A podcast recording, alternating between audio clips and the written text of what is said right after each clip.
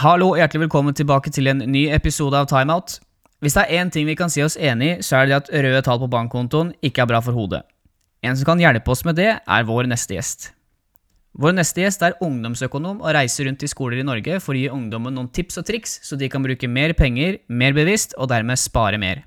Kanskje har du spørsmål om BSU, Lånekassen, renter eller trenger tips til sparing? Dette er da ting vi annet skal gå under huden på. Så uten videre introduksjon, la meg få presentere vår neste gjest, Jesper Foss.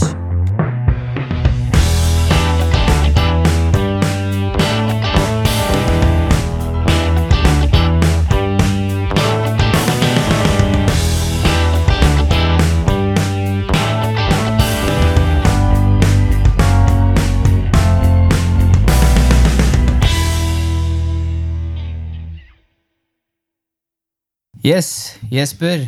Velkommen til studio. Tusen takk. Veldig sporty at du, eh, at du møter opp. Ja, det er Hyggelig å være her. Du kjørte til og med fra et annet fylke for å komme hit. Ja, det er eh, utrolig hva man blir med på. Hvordan var turen opp? da? Var det noe kø? Det gikk, eh, gikk veldig greit. Det var litt mer trafikk enn det jeg trodde, men ellers ganske problemfritt. Det som er, Folk skal jo ut av byen nå, ikke sant? ikke inn. Du kjørte jo i peak rushtid, så det er jo på en måte Du, du kom til og med et kvarter før tida, så det, det setter jeg pris på. Ja, det er, jeg må prøve å beregne som kommer tidsnok, i hvert fall. Det er viktig. Det er viktig. Ok. Um, grunnen til at du er her. Det har seg litt sånn at vi jobber jo med uh, mental helse, det å ha det bedre med seg selv, og det å kunne gjøre det vi selv har lyst til. Ikke nødvendigvis følge hva andre sier, men prøve å lytte mer til seg selv. Men er det én ting jeg har erfart, og som jeg garantert ikke er alene om, så er det at røde tall det hjelper ikke på hodet. Er det sånn for deg òg? Det er sånn for meg òg. Jeg er ganske sikker på at har man orden på den personlige økonomien sin, så er alle andre ting også mye lettere å ta tak i. Absolutt. Og igjen, det er derfor du er her i dag. Så du, du kan fortelle hva du jobber med. Altså, du jobber med økonomi, men du kan fortelle mer spesifikt hva rollen din er. Ja, jeg er eh, noe som fancy som ungdomskoordinator da, i Sparebank1 Østlandet. Eh, hovedjobben min er jo for så vidt å reise rundt på ungdomsskoler og videregående skoler og undervise i personlig økonomi. Det syns jeg høres spennende ut. Eh, ja, jeg syns det er veldig spennende. Møter jo mye, mye forskjellige folk. Eh, Jeg har jo omtrent en 5000 elever i løpet av et år. da. Har du tall på hvor mange skoler du hadde i 2019? I 2019 så var jeg vel innom omtrent eh, 50 ulike skoler. 50 skoler? Men Ja. det er bare i Innlandet-regionen? Ikke sant? Ja. Men alt fra da ungdomsskoler og videregående, er det, hvordan er det de reagerer stort sett? Eh, Nei, de syns det er veldig bra at vi kommer. Eh, De higer jo etter å lære mer om personøkonomi. Eh, Det er jo kanskje et fag som mange ikke kjenner så godt til, ønsker å lære mer om. Samtidig så er det mange andre som også kan mye fra før av. Men de har jo heller ikke noe vondt av å høre og lære enda mer. Nei. Er, er det noe som går igjen? Er det noe du hører som bare sånn Ok, det spørsmålet det går alltid igjen. Eh, kanskje ikke så mye spørsmål som går igjen, men jeg ser jo mye denne holdningen på at eh, ting ofte er dyrere enn det de tror det er. Eh, når vi snakker om voksenlivet og dette skulle flytte for seg sjøl og, og styre økonomien sin sjøl. Ok, Hva mener du da?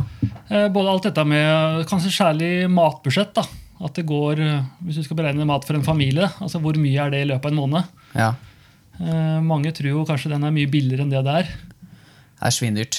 Det er det. Selv bare for to. Selv bare for to. Ja. Greit. Um, det som er, er at jeg er jo, har jo ingen økonomiutdanning. Ikke gjorde det bra, jeg gjorde det ikke bra i matte på videregående heller. I hvert fall ikke på ungdomsskolen. Så det som er nå, er jo det at jeg har mange spørsmål til deg, og så er du egentlig ganske fri til å fortelle sånn som du kanskje gjør når du er ute blant uh, ungdommen. Ja, det høres bra ut. Så mitt aller første spørsmål er jo da økonomi i et stort begrep eller et mindre begrep. Det velger du selv hvordan du vil legge det fram. Men økonomi, hva er det det er for noe, og hvordan er det det påvirker oss? Ja, eh, Økonomien deles jo inn i, i to grupper, egentlig, da, med mikroøkonomi og makroøkonomi. Hvor makroøkonomien det går jo for hele landet, altså Norge, hvis vi ser det sånn. da. Det er jo da, da regjeringa som sitter og, og setter opp åssen det skal gå. Eh, og så har vi mikroøkonomien som går på oss som personer. Eh, For vi har jo vårt eget lille økonomisystem, vi òg. Når du, når du sier makro, da tenker du altså, skatt, du tenker oljefond, eller hva, hva heter det for noe egentlig? Det har et annet navn enn oljefond. Det har vel pensjonssparing eller Ja, eh, det er det som het oljefondet nå. Eh, Nei, den heter jo oljefondet ennå. Ja, ok, da er det jeg som bare har misforstått. Ja. Det er ikke så farlig. Men ok, det er skatt, det er det mikro, nei, makroøkonomi handler om. Har du noe mer som går inn for deg, som jeg har glemt? Eh, Ja, også Kanskje dette med bedrifter, altså import, eh, eksport. Alt dette her som varer som går inn og ut av landet. da.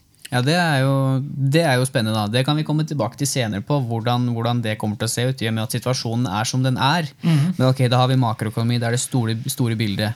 Mikro, Ja, Da er, det, er vi ned på oss som individer, egentlig. da. Eh, Hver husstand har jo for så vidt sin egen, egen økonomi.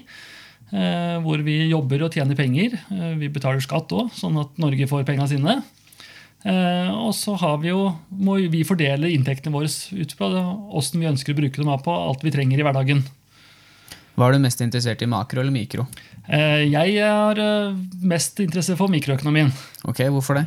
Eh, nei, eh, det er jo litt for at jeg syns det er spennende å jobbe mot de unge. Eh, og prøve å lære dem opp til å få en god plattform å stå på når de skal ut og gjøre sine egne økonomiske valg senere i livet.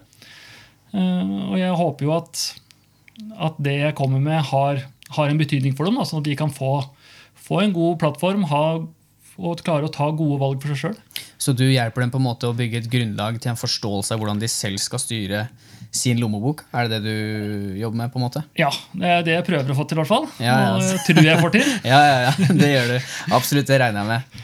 Uh, skal vi begynne med inntekt? Ja, vi kan, eh, det er jo greit å starte der. Vi begynner der, det vi får inn i hvert fall. Ja, for eh, det er jo for så vidt roten til alt. Vi må ha noen inntekter. Skal vi ha noe å fordele utover.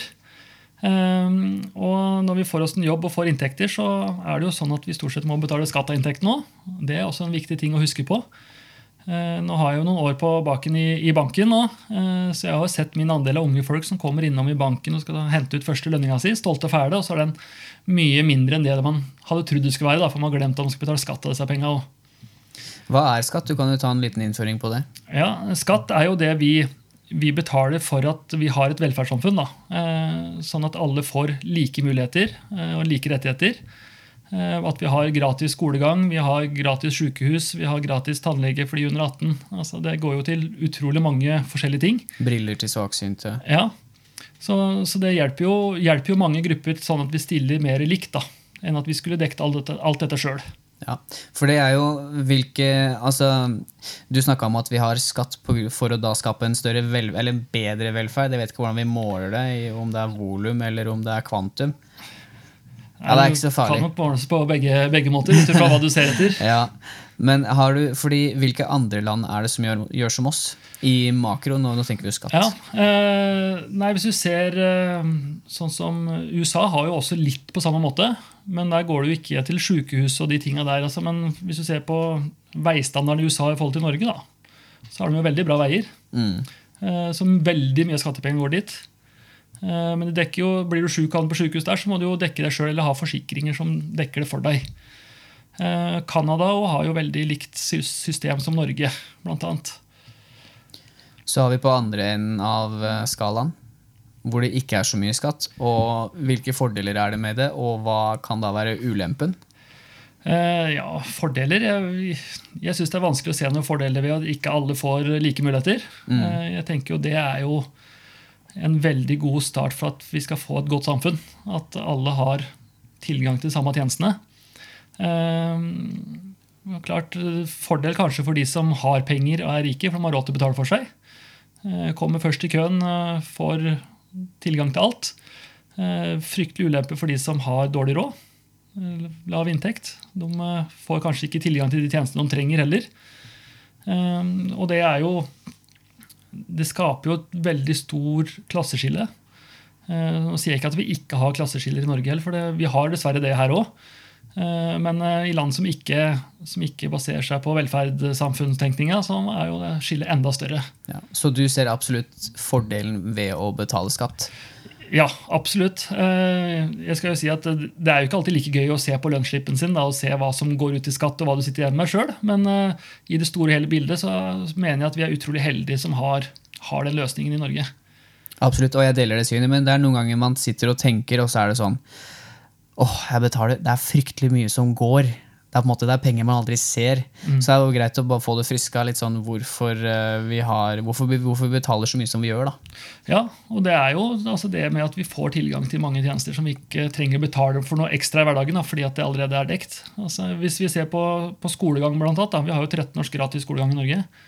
Uh, ser vi på land i verden som ikke har gratis skolegang, så er det mange som ikke har råd til å fullføre ungdomsskolen engang. Hvilke muligheter har du, har du da? Hvor er vi da, f.eks.?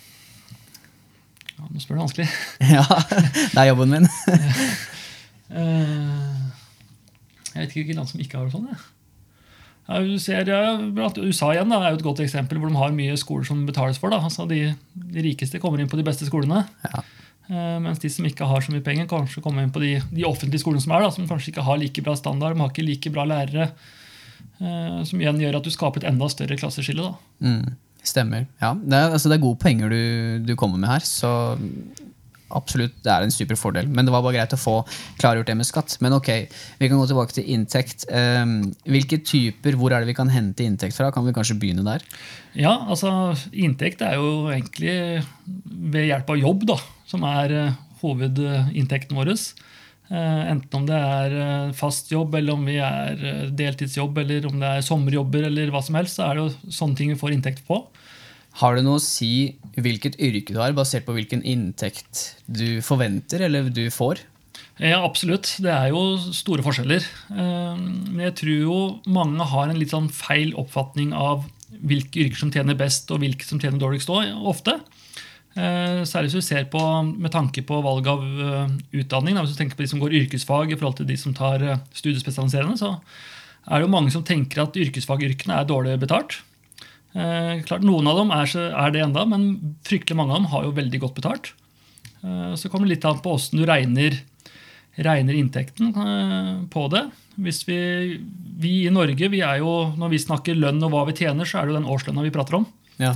Eh, jeg mener at det gir et litt feil bilde på åssen inntekten egentlig er. Hvis man heller ser på livsløpsinntekt, da, som tar for seg hvor mye tjener du i det yrket ditt i løpet av hele yrkeskarrieren, minus de utgiftene har vi kommet dit, så blir ofte bildet ganske annerledes. Eh, hvis du har en, eh, en, som tar yrkesfag, så er jo, de er jo mye raskere ute i jobb. Som tjener jo penger mye tidligere enn de som tar, tar høyere utdannelse. Og det har jo ganske stort Det har jo ganske mye å si da, for, for livsløpsinntekten din. I forhold til Hvis du har gått, gått fem år på høyskole, så har du, altså når du går da siste året på videregående, så har jo de som tatt yrkesfag, de er da ute, ute og, og, prøver seg i yrket sitt og faktisk har inntekt. Så har de faktisk da seks år med inntekt da, før du helt tatt er ferdig med å studere og har dratt på deg studielånet. Det er sant du sier. Altså, jeg, har gått, jeg, jeg, bare setter meg selv i eksempel nå. Jeg gikk, jo, jeg gikk jo på yrkesfag på en måte, men jeg tenkte jo ikke på at ok, jeg skal ut i jobb allerede nå, jeg skal studere. Altså, jeg var jo i det tankesettet. da, ikke, Det er jo ikke noe riktig og galt her, men altså, jeg har jo gått glipp av seks-sju år med inntekt allerede.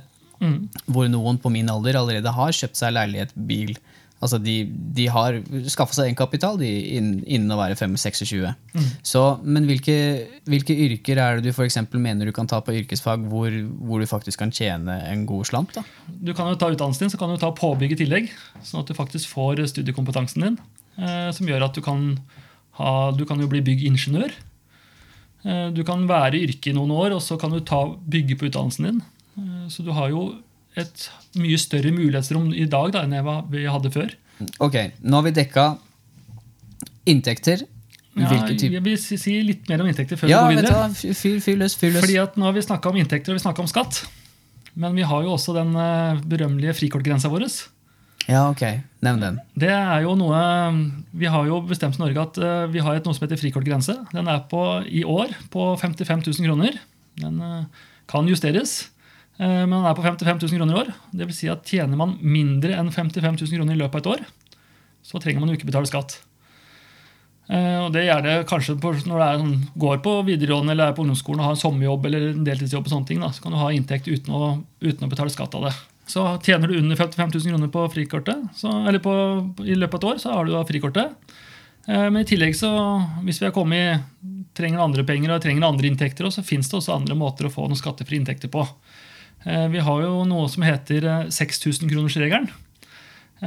Som gjør at vi kan, kan, tjene penger på småjobber for venner og kjente, f.eks.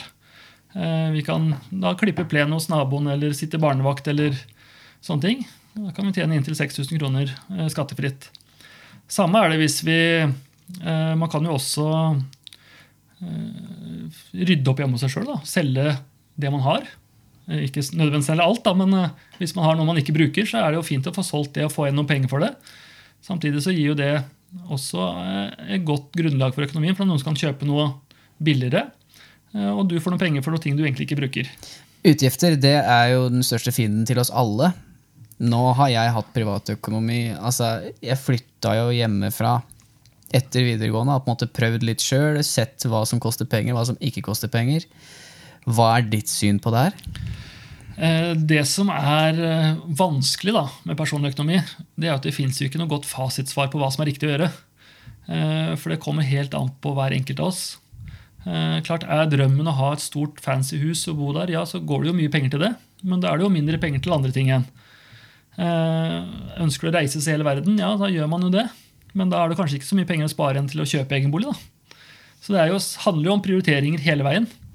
Eh, og det er ikke sånn at vi gjør det, de prioriteringene én gang. Det må vi gjøre gjennom hele livet. Eh, vi endrer oss, kanskje det er andre ting som er viktigere seinere. Da må vi snu på dette igjen. På den andre sida er jo personlig økonomi uhyre enkelt. For det er jo å tilpasse de utgiftene til de inntektene vi har. Eh, så det er jo egentlig ikke vanskeligere enn det. Men eh, ser vi på statistikkene og på hvor mange som sliter med å betale for seg, og, og sånne ting, og ikke minst hvor mange sesonger av Luksusfellen som går, da. Ja, Hva tenker du når du ser det, egentlig? Og hvor eh, virkelighetsnært er det egentlig? Nei, Det er nok dessverre ganske virkelighetsnært. Jeg tenker jo De har jo gjort ganske mange dårlige valg da på veien. Det har de gjort. Men samtidig så har de gjort et godt valg, for de har meldt seg på Luksusfellen og er villige til å rydde opp og komme seg ut av det. Jeg tenker det er mye verre på alle de som har like store problemer, som velger å ikke gjøre noe med det. Av ulike årsaker. Men ja, altså, første steg er jo på en måte anerkje, anerkje situasjonen man er i. Ja. Man må innrømme for seg sjøl at du har et problem, og, og, man må ta tak i det. Eh, og det er jo ikke noe som går av seg sjøl. Altså, få hjelp og så få et nytt lån og tro at alt ordner seg. Du må endre de vanene du har da, for, som gjorde at du kom dit du gjorde. Og det det jeg tror er, er den store baugen for mange. Hva er den største hva er, som, hva er, det som, tar størst gap av lommeboka di når det kommer til forbruk? Jeg tror jo mange bruker mye penger på unødvendige ting da, som vi egentlig ikke trenger i hverdagen. Altså dette, hvis vi er en tur nede i byen eller om vi er på skolen eller på jobben, så, i stedet for å ta med seg matpakka og kjøpe seg noe mat, der går det fort mye penger. Altså Man tenker kanskje ikke på det der og da, for den ene gangen så er det ikke mye penger. Men gjør du dette her mange ganger i løpet av uka, eller flere ganger i løpet av uka, så blir det fort å se på hva dette utgjør i løpet av et helt år. Så er det plutselig fryktelig mye penger. Um, hvis vi sier at du er ute og kjøper deg en kaffekopp da, til 45 kroner én uh, dag, altså i seg sjøl 45 kroner i dag, hva er det for noe? Ingenting. Nei, du, Det er begrensa hva du får for 45 kroner. Det er, ikke, det er ikke sånn at disse fra Luksusfellen kommer løpende etter deg for du bruker 45 kroner. Nei, det er sant. Men jeg er spent på hvor mye det koster i løpet av et år. Ja, da. ja altså Gjør du det hver dag en uke, da, så er vi oppe i 225 kroner. Uh, gjør vi det hver altså ikke en uke, da, men altså fem dager, da, mandag til fredag, så gjør du det hver mandag til fredag hele året, så er det 11 700 kroner. For 45 kroner om dagen. Ja, Det er mye penger. altså. Det er mye penger. Og det er jo klart, klarer vi å rydde opp i sånne små lommetyver som vi har, da, jeg synes Det er egentlig en fint begrep på det, lommetyver. For det er jo penger vi bruker som vi kanskje egentlig ikke tenker på. For det, det er jo ingenting. Eh, klarer vi å få rydde opp i de tinga der, så vil jo plutselig kanskje økonomien vår se ganske annerledes ut. Vi får ganske mye bedre råd. mye eh, kan kanskje, handler også selvfølgelig om å prioritere og sette de på riktig sted. Da. Ikke sløse bort på noe annet, kanskje. Hva mener du med å sette de på riktig sted? Nei, altså Hvis vi heller da prioriterer å bruke de penga på å spare til bolig, da, hvis det er det vi ønsker oss, Altså klart, Tida det tar å få råd til det du har lyst på da, du får jo den korta ned ganske betraktelig. Eh, eller om det er eh, å bruke det på bilforsikringa. eller om du ønsker å spare det, eller om du ønsker å reise for det, eller hva som helst. altså Bruke på kanskje andre ting som er viktigere for deg, egentlig. da. I, i det store, store bildet. Det er også noe jeg har tenkt på litt i forhold til det med forbruk. altså eh, Jeg bor i Oslo, og hvis, hvis noen bor i en storby, så er kollektivtransport noe man eh, burde forholde seg til, som er det beste alternativet. Det er sunn fornuft. Men det frister jo likevel, da, veldig ofte, å sitte og se på bil, fordi det er jo Hva tenker du der? Er det på en måte dyr, moro, luksus, eller er det bare penger ut av vinduet? Der er det jo ganske mange om og men som kommer inn. Eh, for bil kan jo være både dyr moro, men det kan også være en nødvendighet. For det første så kommer det litt an på hvor man bor hen, og hvor man jobber hen, og hvor man har venner, familie, fritidsaktiviteter, sånne ting. Klart Bor du midt i Oslo her og har alt, hele nettverket midt i sentrum, så kanskje, er det kanskje en dyr luksus å ha bil. Eh, vi som bor litt mer ute på landet, vi kanskje må ha bil i hele tatt for å klare å komme oss til og fra jobb. Eh, komme oss på butikken sånne ting. Eh, så da blir det ofte kanskje en, en dyr nødvendighet. da. Ja, Men kan ikke du komme med noen uh, tall da på hva, hva bil for eksempel, koster? Kall det transport i det, i det scenarioet her, da. Ja, altså det, Bil er jo litt vanskelig, for det er jo fryktelig store forskjeller. Eh, for du har jo både billige biler og dyre biler. Eh, og så kommer det an på hvor mye det er å gjøre med dem. Altså, du kan jo kjøpe en bil som den den før du har hatt, som ikke har hatt noen ting problemer med. i hele tatt. Og så fort du tar over den, så renner problemene på. Det veit man jo aldri før man har hatt den. Ja, ja. og så har du andre som kjøper bil som bare går og går og går. Eh, jeg har vært på begge sider av den skalaen. Jeg syns det er mye triveligere med de bilene som bare går og går og trenger kun de faste serviceintervallene. Eh, så kommer det an på litt hvor vi kjører igjen i forhold til bomveier. Hvor mye bensin bruker den? Hvor langt kjører du? Alle sånne ting. Så det er mange variabler inne i, i bil. men altså det er jo en grunn til når man, eh, Hvis man skal sette opp et budsjett og fordele pengene sine, da, prøve å lage seg en, en fordeling på hvordan man ønsker å fordele pengene sine, så er det jo en grunn til at bil er et egen post der, for at det, den tar mye penger. Ja. Eh, og det, det, vi ser ofte, er det kanskje mange unge særlig glemmer, da, det, det, er at de ser på bil og ser hva selve bilen koster, og så glemmer de alle de andre utgiftene som løper hele tida. Hva er de andre utgiftene, da? Alt ifra Nå har du jo forsikring. da. Så har du trafikkforsikringsavgifta som skal betales. Eh, drivstoff, vedlikehold, eh, bompenger, som vi var inne på. Alt dette er jo utgifter som løper hele tida, som kommer i tillegg. Er det en minimumspris på bilforsikring? Eh, ja, altså det er jo Bilforsikring er jo litt sånn der, en spesiell pakke, for du har jo noe som heter en sånn bonusordning. Ja. Eh, som du får, altså, hvis, det betyr at hvis du kjører skadefritt, eller hvis du ikke bruk, bruk, trenger å bruke din forsikring i løpet av et år, så får du høyere bonus.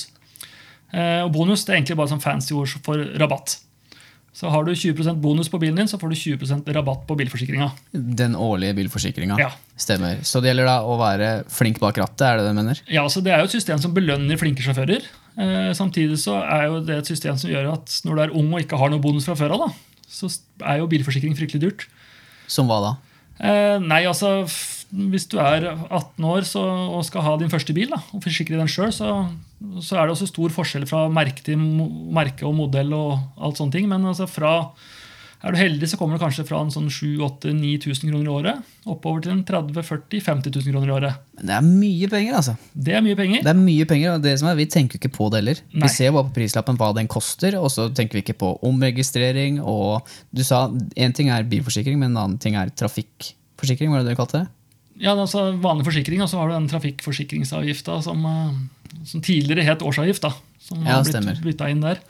Eh, så Det er jo det beste tipset jeg har hvis du skal kjøpe bil, det er jo å sjekke prisen på forsikringa før du kjøper bilen. Fordi jeg har sett De som kommer innom banken og er stolte ferdig kjøpt sin første bil, skal forsikre den, så er forsikringa dobbelt så dyr som det bilen var. Klart Da blir litt av poenget med forsikringa borte, så mest sannsynlig så har du ikke råd til det. Og må selge bilen før du får brukt den. Det kan det være. Noen, nå skal jeg stille et litt vanskelig spørsmål. Har du, noen, har du et tips til de som ønsker å kutte, om det er kaffe da, eller tobakk? Hva det måtte være for noe. Om du har noen tips til på en måte, hvordan, kan, hvordan kan man synliggjøre ønsket om å kutte, ut, altså kutte utgiften for å spare mer så mye at du på en måte klarer å overbevise deg selv? Har du noen sånne eh, mind games der?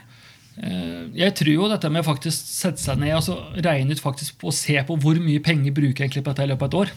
Og ikke minst da se på hva jeg kunne brukt de pengene på hvis jeg hadde hatt dem. Eh, jeg ser jo Vi kjører, kjører noen sånne øvelser innimellom der ute på skolene på hva, hva, man sløser bort penger på som man egentlig ikke trenger. Og begynner å regne seg om og se hva, hva utgjør det i løpet av et år. Hva kunne jeg fått for det? Det er ganske mange som får noen store aha-opplevelser. altså. Ja, tror jeg på. Men er det bare å sette seg ned med, på Excel og på en måte skrive ned utgifter, eller, hva, hva, tenker du om det? Hvordan er det, er det en annen måte man kan gjøre det på? Ja, så Det fins jo mange, mange måter å, å, å, sette opp et budsjett på, for eksempel, da. Hvis man ønsker det. Og prøve å, å stramme inn. Eh, du har jo, som du sier, altså, de starter med et helt blankt Excel-ark og så fylle inn sjøl. Ellers så finnes det jo i dag masse forskjellige apper ute der med med ferdige budsjetter, standardbudsjetter, ja. som følger f.eks. Eh, Statens institutt for forbruksforskning. Den var fin. Lager et eh, referansebudsjett hvert år som sier noe om hva, som er, hva man bør bruke liksom, på ulike poster. da. Så skal ikke si at jeg er helt enig i alle de postene de har der. Jeg syns de bruker mye på enkelte poster og, og lite på andre, men klart dette blir jo et gjennomsnitt. da. Så da har man jo kanskje noen tall å se ut ifra. da. Uh, kanskje hvert Hvis det er første gang du skal sette opp et budsjett, så er det kanskje greit å ha noe og se litt åssen man har gjort det. Uh, ikke minst se hvilke poster som står der. da. Og så er det også sånn at fryktelig Mange av bankene i dag har jo budsjetter liggende ute på, på nettsidene sine, som man kan laste ned og bruke. Som også ligger da med ferdig utfylte poster, kan, eller navnet på posten. da, hva det er for noe, Så må du jo finne tallet sjøl. Ellers så er det jo mange nettbanker i dag og har jo egne sånn funksjoner du kan se på hva du bruker på ulike steder. da. La oss si vi skal være litt late. da.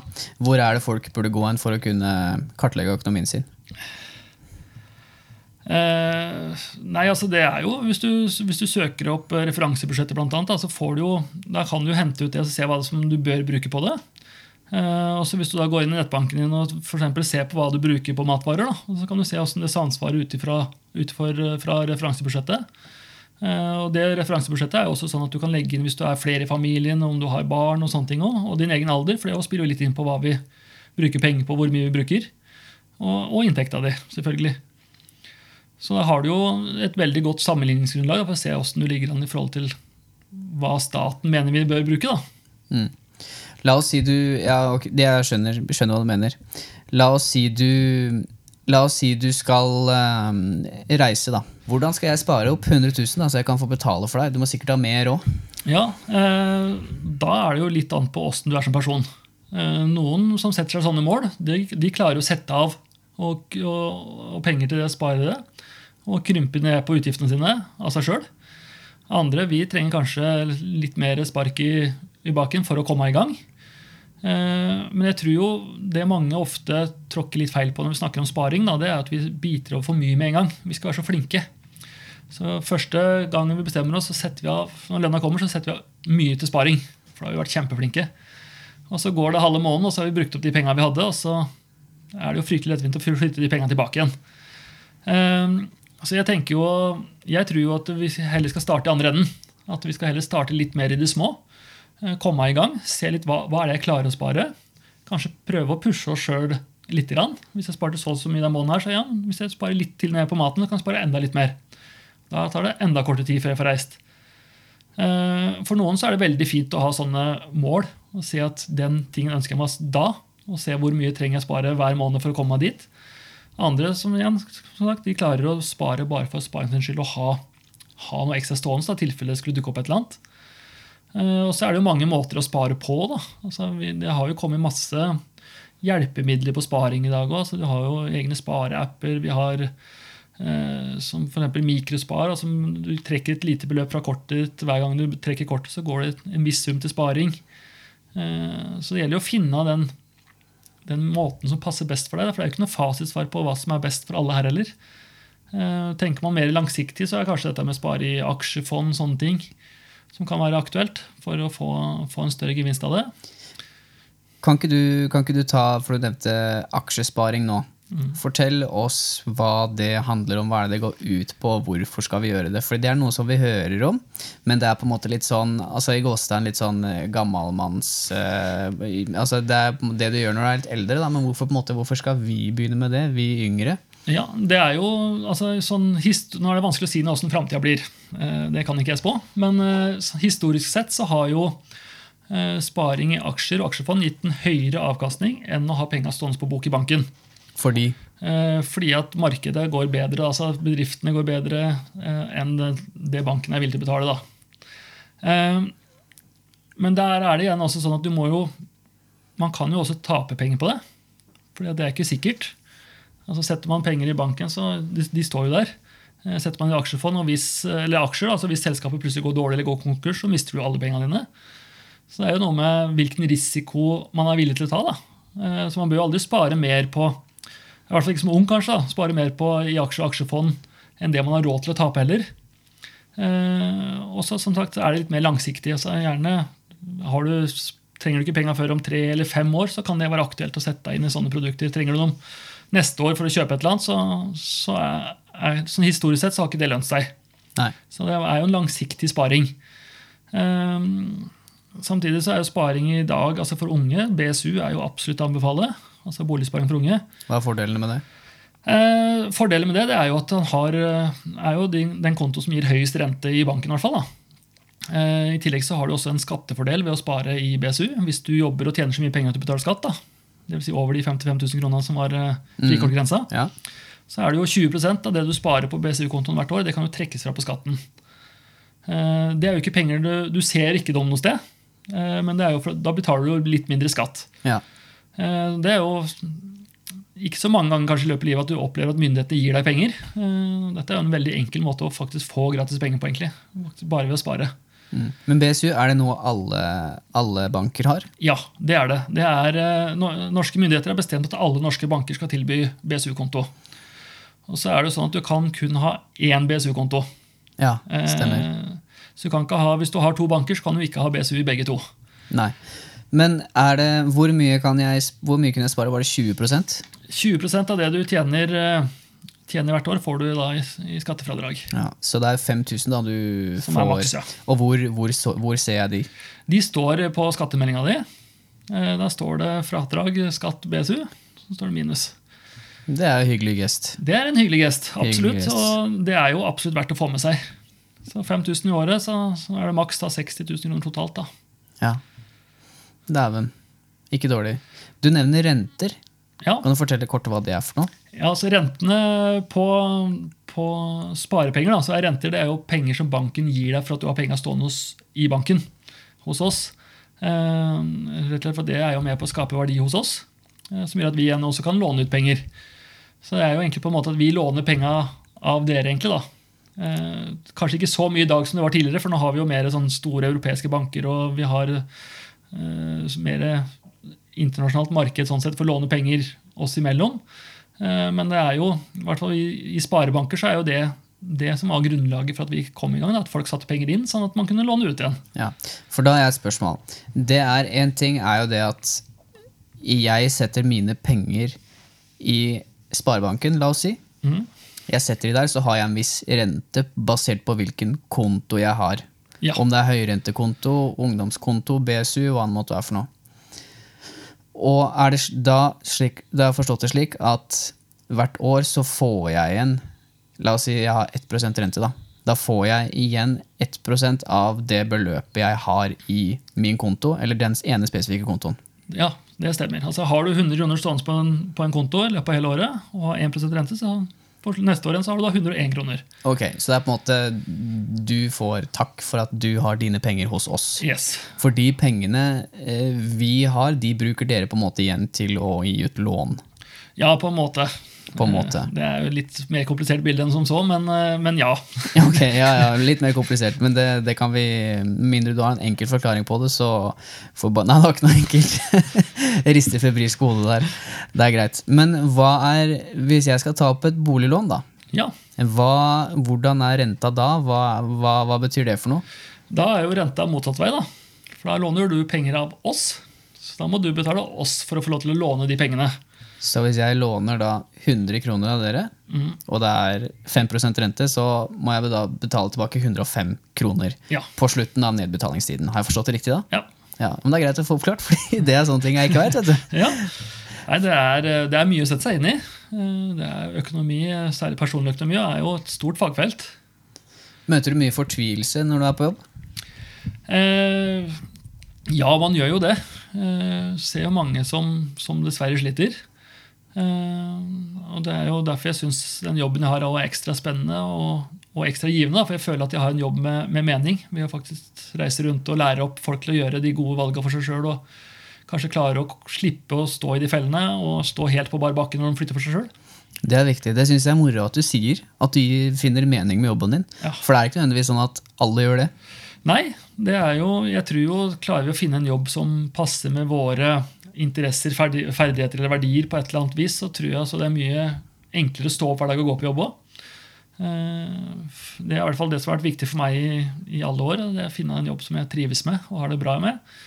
Eh, så kan man jo si at lønn kanskje ikke er viktig, men samtidig så er jo lønn viktig. Eh, for vi må ha penger for å overleve. Men det er kanskje ikke det viktigste.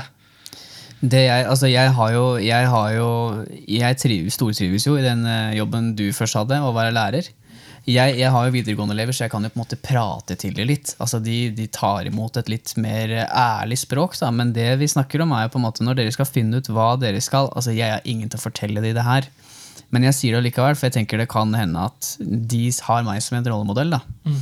Jeg sier Når du skal finne ut hva du skal drive med, så må du se hva du liker å gjøre, hva du er god på og hva du kan gjøre for andre. Yes. Hvis du klarer å finne eh, punktet i midten der, så tror jeg du kommer til å ha det veldig bra. Det tror jeg òg. Og samtidig så må man også tenke litt i dag på hva, hvilke muligheter fins framover òg. Altså, for det første så har vi vært gjennom en, en periode nå hvor vi har sett mye digitalisering, robotisering, den biten der. Krisa som er nå. Altså, hva, hva sitter igjen i andre enden? Hvilke muligheter er det? Hvordan tror du forbruket vårt kommer til å se ut om fem-ti år?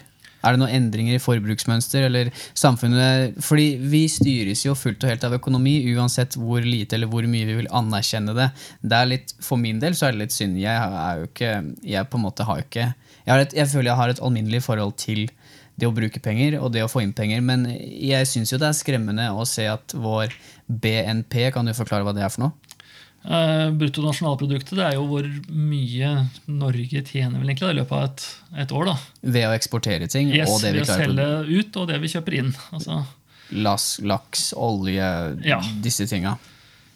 Fordi den har jo falt drastisk, og valutaen vår krasjer. Det er ikke meninga å være sånn destruktiv nå, men det er Nei, på en måte det, det jo, som skjer. Det er jo det som skjer nå. Vi har, vi har jo nullrente i Norge. Vi har, uh, norske krona er jo lav. Fryktelig lav. Um, så det gjør jo at for alt som vi skal kjøpe fra utlandet inn til Norge, da, det blir jo ekstra dyrt. Um, skal den ut og reise, altså man får jo ikke reist akkurat nå, da, men skal man ut og reise, så ser man at man må betale ekstra mye for varene i forhold til hva vi gjorde tidligere, fordi at norske kroner er så lav. Uh, samtidig så er det andre veien igjen. Da, så er det jo De som selger ut, da, de kan jo kanskje selge enda mer fordi at de får kjøpt varene billig fra oss. Stemmer. Um, så det går jo Det er vanskelig å finne den balansegangen. Altså, det er aldri sånn at alle er fornøyd uansett. Nei. Uh, men det har, jo, det har, jo, ganske mye å si for økonomien vår i, i sin helhet. Uh, det med at varer da, som vi trenger inni i landet som vi må kjøpe inn, blir dyrere. Det gjør jo at vi må bruke mer penger på å kjøpe dem sjøl òg. Som gjør at vi sitter igjen med mindre penger i slutten. Uh, for, eh, for, unge i dag som skal ut på boligmarkedet i løpet av de neste åra, så kan det bli en positiv effekt fordi at eller husprisene vil bli lavere. Eh, det er i hvert fall det som har vært trenden i, i, som vi har sett tidligere da, når det har vært eh, økonomiske kriser. At boligpriser som synker. Så det kan jo være en fin inngang. At, det, at, du får en fordel der. Men samtidig, hvis du har en bolig da, og skal selge den, så får du kanskje mindre igjen for den. Men samtidig skal du kjøpe noe nytt igjen, så er også den mindre verdt. da. Mm. Men la oss si jeg nå, la oss si jeg nå går til banken, da. Uh, og jeg, har lyst på et uh, boliglån, f.eks. Men jeg har jo en gjeld fra Lånekassa. Ja. Påvirker det bankens avgjørelse hvorvidt dere vil gi meg et lån eller ikke? Uh, ja, det, det påvirker. alt vi har av gjeld, er jo med på å påvirke hvor mye vi får lov til å låne i banken. Altså vi, vi, sitter jo ikke og ser på hver enkelt og tenker at du kan låne så og så mye, mens han andre kan låne sånn. Det er jo en helhetsbilde her på hvor mye har du råd til, og mye har du eh, og hvor, i forhold til åssen livsstil du har. Altså, bruker man mye penger på andre ting, så har du kanskje mindre penger enn du betjener lånet med. da. Så vi setter jo alltid egentlig opp et, Det vi egentlig gjør da i banken når du kommer og setter opp, eh, tar et lån, så setter vi egentlig opp et budsjett egentlig, og ser hva, hva er det du bruker penger på, hva er det du har råd til å låne. Og så har det litt med, med inntekta di å gjøre òg. Du har jo den, kan ikke låne mer enn fem ganger inntekta og litt sånne ting. Hva er egenkapital for noe, da? Egenkapital det er jo kort fortalt, det er jo penger du må ha sjøl for, for å få lån i banken hvis du skal kjøpe en bolig. Eh, Myndighetene har jo bestemt at vi må ha minst 15% egenkapital. Det vil si at, eh, enkelt forklart, da, Hvis du kjøper en bolig til 1 million, så er det da 15% av det. Det må, minst må du ha sjøl, altså minst da 150 000. Og kan låne da maks 850 000 i banken. Eh, og så har det med å si med, med inntekta di. Altså, fordi at Har du ikke høy nok inntekt til å klare å betjene det lånet på 850 000, så må du ha enda mer egenkapital. Finnes det noe smygtriks, kan jeg kalle det, til å måtte slippe unna eller senke den, eh, senke det, den egenkapitalen? Eh, Det mange unge må gjøre, er jo rett og slett å få kanskje litt hjelp hjemmefra. Eh, At man kanskje kan få, få med foreldra sine som, på at de står som medlåntakere, eller at man får kanskje pant i boligen hos foreldra sine. og sånne ting. Hva, hva, hva, går, hva går det ut på? Eh, Det går ut på at banken tar sikkerhet i boligen til foreldra dine. da. Altså Det som i verste fall skjer da, Hvis du ikke betaler lånet ditt, og foreldra dine ikke har råd til å ta over det for deg, da, så tar vi huset og selger det. Ja. ok, ja. Litt risky, men er, det mange som gjør det? Det er, eh, det er ganske mange som må, må ty til hjelp. Eh, Vi ser jo med boligpriser som har vært i Norge, så har du jo Det er jo ikke billig i dag. Eh, Nei. Det er det ikke. Eh, Særlig ikke hvis du bor i, i storby. eh, Sentrumsnært. Jo nærmere sentrum, jo nærmere store byer man er, jo dyrere blir det jo som regel. Selvfølgelig noen unntak, men det er jo en veldig enkel tommefingerregel som regel. Men la oss si, da. Vi går ned til sparing generelt igjen. Ja. Hva er viktig å tenke på for at jeg skal få orden på min personlige økonomi? Eh, Jeg tror jo, som mange har opplevd i situasjonen vi er i nå, det er at det er viktigheten med faktisk ha noen penger stående som man kan bruke når, når det skjer et eller annet. Mm. Eh, Når det kommer uforutsette ting. Altså, vi så ikke for oss at, vi skulle, at det skulle se sånn ut nå.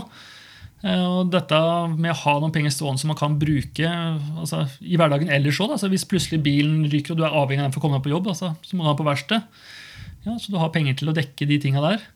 Um, hvis eh, mer sånn der eh, fritidseksempler. Hvis du plutselig blir invitert på en tur med kompisgjengen. da.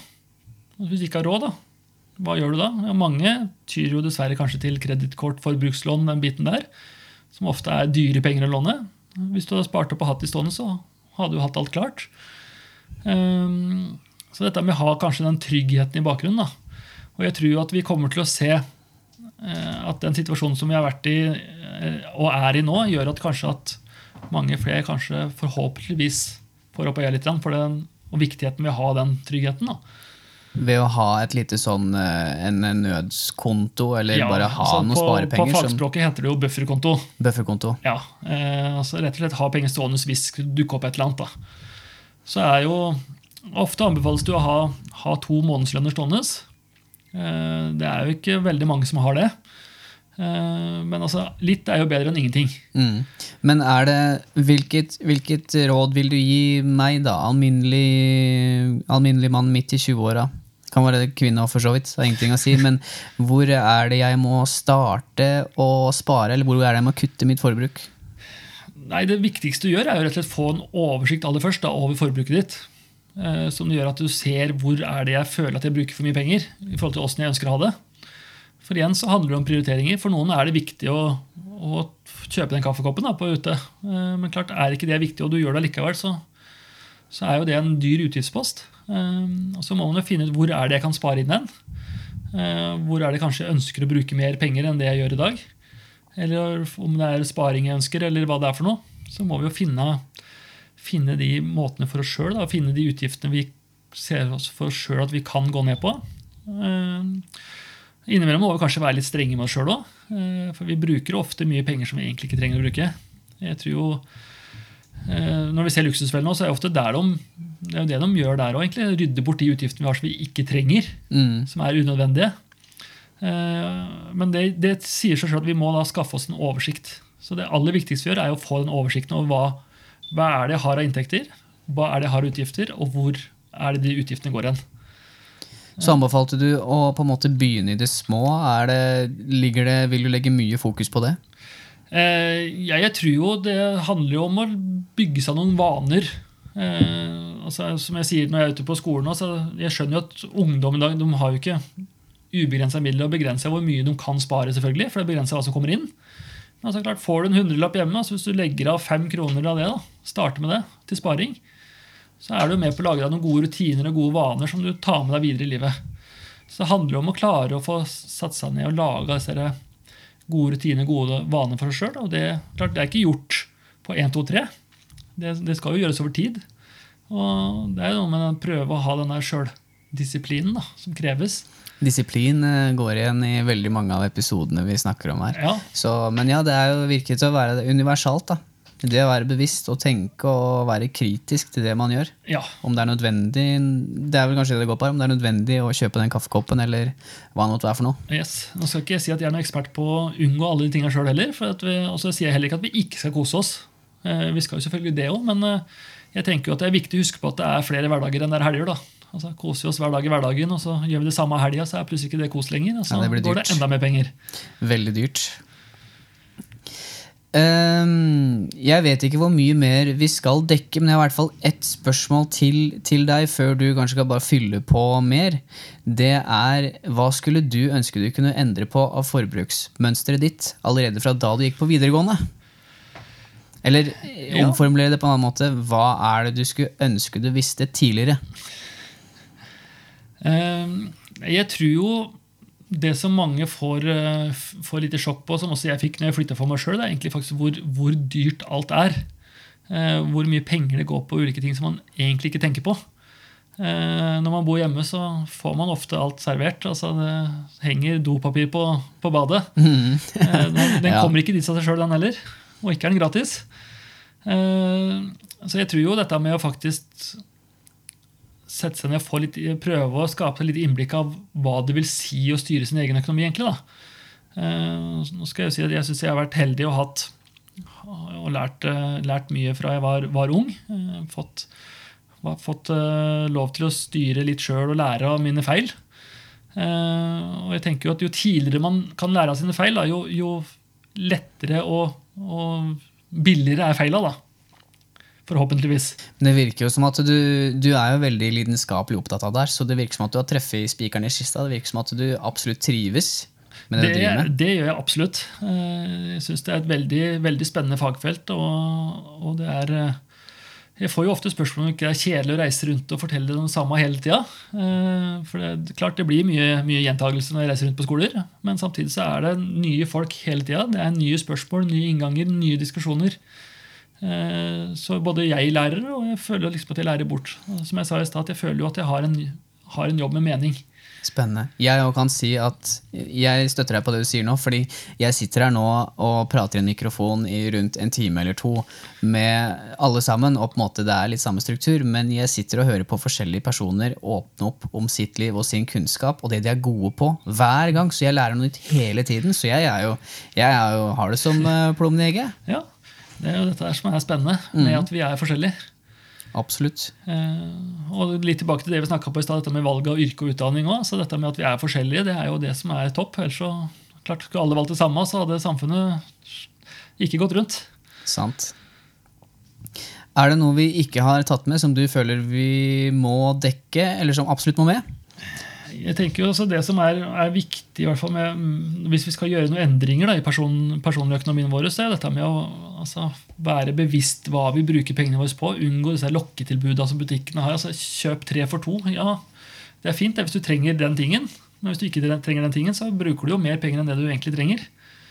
Uh, impulskjøp. Kanskje Der er vi kanskje litt dårlige, mange. Uh, får lyst på noe, vi skal ha det med en gang.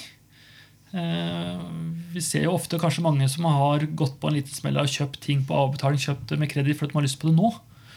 Eh, og klart, Det gjør jo at tingen ofte blir veldig mye dyrere enn det han egentlig trenger å være. Hadde vi heller venta si tre måneder og spart opp til det, så hadde vi betalt eh, det han egentlig koster. Eller kanskje når det har gått tre måneder, så ser vi at oi, hadde egentlig ikke så lyst på det, eller har i hvert fall ikke behov for den. Og så tror jeg jo at, at uh, framtida nå vil bringe at vi kommer mer dit hen at vi kjøper mer Kanskje mer brukt. Vi blir mer bevisst på hvor ting vi kjøper, kommer fra. Uh, så klart det er, det er en spennende tid som kommer òg. Uh, og dette med å, med å kjøpe brukt og sånn òg, det jo, gjør jo kanskje første gang man skal flytte for seg sjøl òg. Om det bare er for å studere, eller om det er første huset eller hva som helst, eller leiligheta. Så klart skal vi møblere et helt hus, så det koster mye penger. Og klart Med å kjøpe ting brukt så gjør det at du kanskje kan få, få alle de tingene du trenger med en gang. Og så kan man heller oppgradere seinere når man får bedre råd. Um, og jeg tror jo det er viktig at vi slutter å måle oss opp mot alle andre hele tida. Vi er jo veldig sånn at Kjøper naboen seg ny bil, da skal i hvert fall vi ha ny bil òg. Men vi veit jo ikke åssen økonomien til naboen er. Kanskje han velger å bruke alle pengene sine på bil. Og har fryktelig dårlig råd til alt annet ellers. Så jeg, jeg tenker jo at uh, det kjøpepresset, dette med at vi skal være like og ha alt det nyeste, kuleste hele tida, det, det skaper kanskje en del problemer for mange folk. Dessverre. Uh, og klart Klarer vi å komme oss ut av det? Det er ikke lett. Uh, man ønsker å føle seg som en del av alle og fellesskapet. Føle seg inkludert. Men jeg tror hvis vi klarer å ha mye mer fokus på, på oss sjøl og hva, hva jeg ønsker å bruke mine penger på, så tror jeg også at, at økonomien kommer mye lettere av seg sjøl òg. Jesper, tusen takk for at du tok deg tid til å komme hit. Du har kommet med mange klare, fine råd som jeg og jeg regner med lytterne også setter utrolig stor pris på, som du kanskje har oppklart. Hvor er det de kan komme i kontakt med deg?